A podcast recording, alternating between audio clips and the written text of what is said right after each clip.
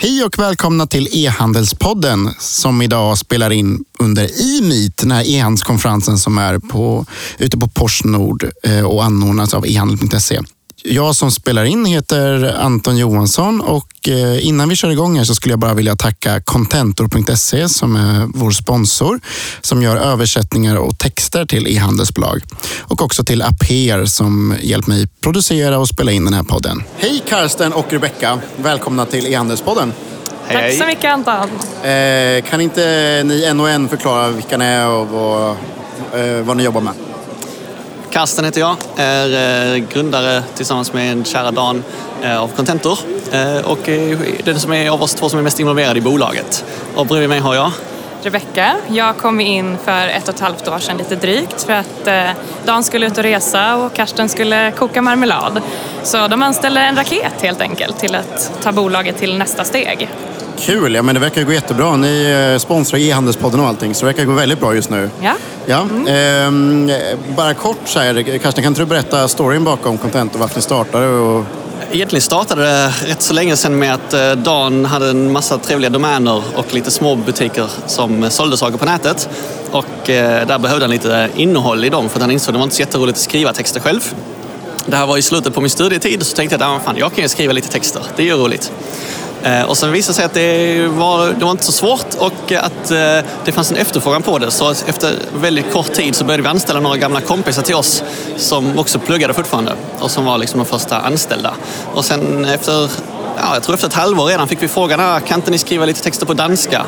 Och så hade vi några danska kompisar som pluggade och då anställde vi dem och så började vi skriva texter på danska och därifrån har det utvecklat sig. Så nu är det skriva texter på främst de nordiska språken men även resten av Europa som är huvudfokus. Är det fortfarande studenter mest eller vilka är det som skriver? Det är väldigt blandat men ja, det är en hel del studenter för att eh, det är en väldigt bra bisyssla. Personligen skulle jag själv inte vilja sitta och skriva text dagarna i ända och kanske inte översätta heller. Och då tappar man lite gnistan. Mm. Och det är ju det är ett hantverk verkligen, att skriva text.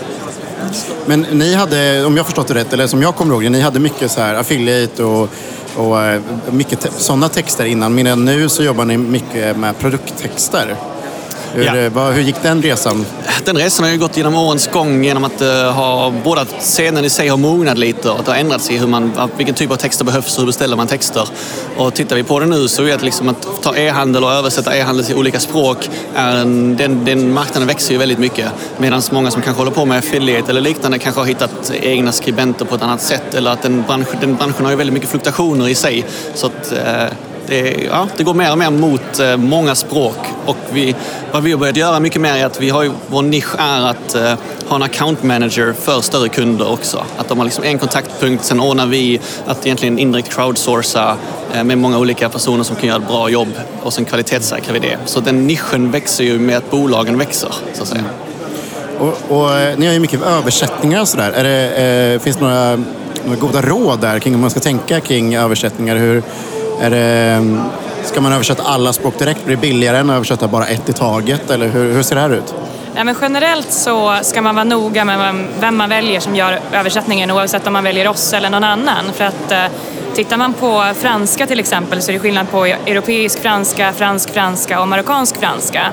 Och det kan då slå väldigt fel om man då väljer fel typ av franska till fel målgrupp. Ehm, ja, alltså Ja, det, det, det, finns många olika lärdomar som vi har gått... Alltså, eh, vikten av kvalitetssäkring, att bara för att en person kan, eh, kan ett språk och säger att den kan ett språk betyder inte att den kan ett språk utan det blir, kan ändå bli slarvfel, att liksom alltid ha någon som korrekturläser allting.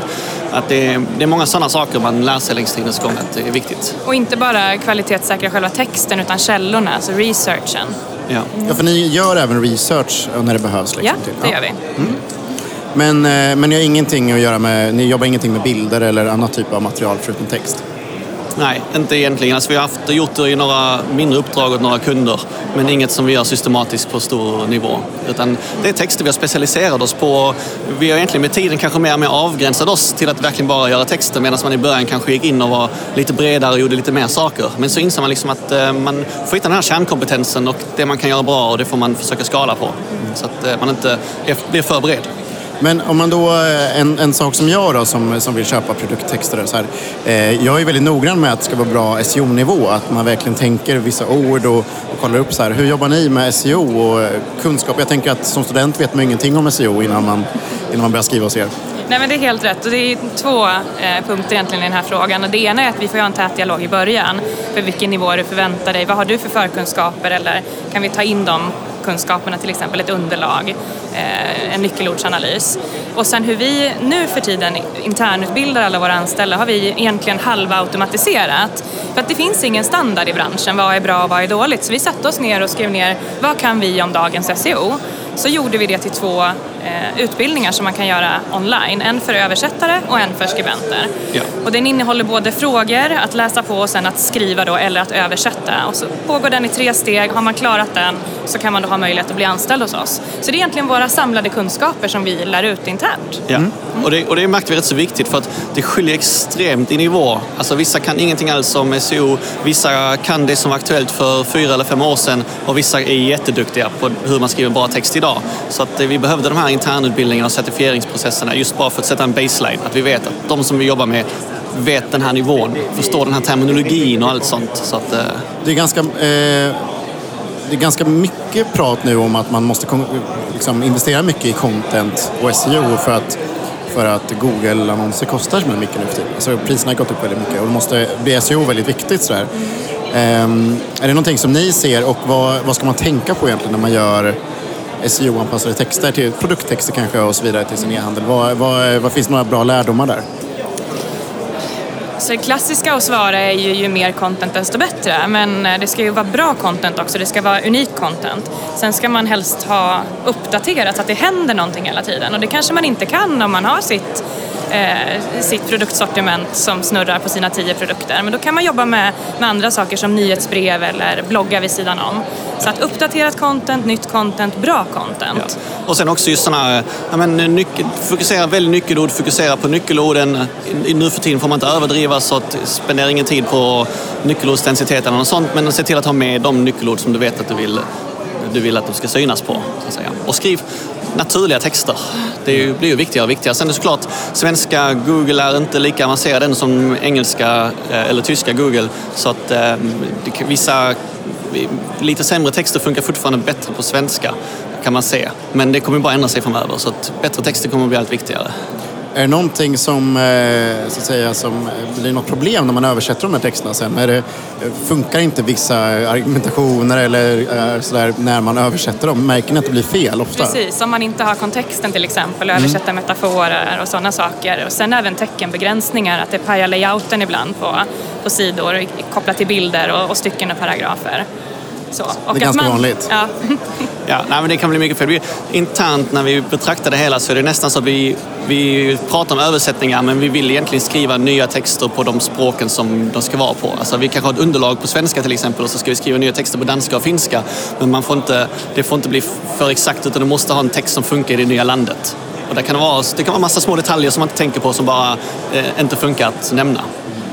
En, eh, så, som, som vi till exempel då, som lägger till liksom hundratals produkter i taget och ganska snabbt eh, utökar sortimentet. Hur, hur ska man hinna med och få in content på de här? Finns det liksom, eh, ser ni att många automatiserar det här eller försöker få upp någon slags struktur kring att få in content snabbt? Så här? För det, är- det är trots allt så att content är ofta det som gör att man inte lägger upp en produkt för att man inte hunnit fixa texter eller specifikationer. Och det här. ser vi ju lite också att eh, det löser ju alla på lite olika sätt. Åt vissa, vissa löser vi det vidare, åt en del, del löser det internt. Eh, en del arbetar med textbindning eller liknande. Alltså att det finns olika sätt att lösa det på. Eh, och jag tror inte riktigt man har kommit till en punkt där det, där det, det har inte standardiserat sig där heller. Så att säga. Hur gör man det på bästa sätt? Och vi försöker ju Eh, just dra vårt strå till stacket där och liksom försöka göra det lätt att göra det. Och sen kommer vi oftast in när man har gjort, lagt upp produkter på svenska kanske och de ska ut på de andra marknaderna också så kanske man skickar en batch till oss och så översätter vi det. Och nu håller vi på att kolla med olika API-lösningar för att kunna göra det kontinuerligt och sådana saker. Så det är, det är mycket kvar att göra tror jag. Finns det någon så här en grej som ni verkligen tycker folk borde bli bättre på eller som, som många ofta gör fel när de tänker content?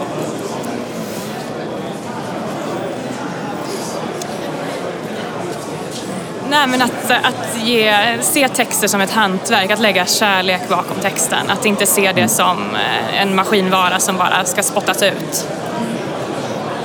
Lägger in lite säljknep i också i Mm, Ja, texten. kan vara. Kan vara. Eller vara personlig, vara tuff, vara modig beroende på vad man säljer eller hur man vill profilera sig. Kul, tack för att ni ville vara med. Tack så mycket. Tack själv.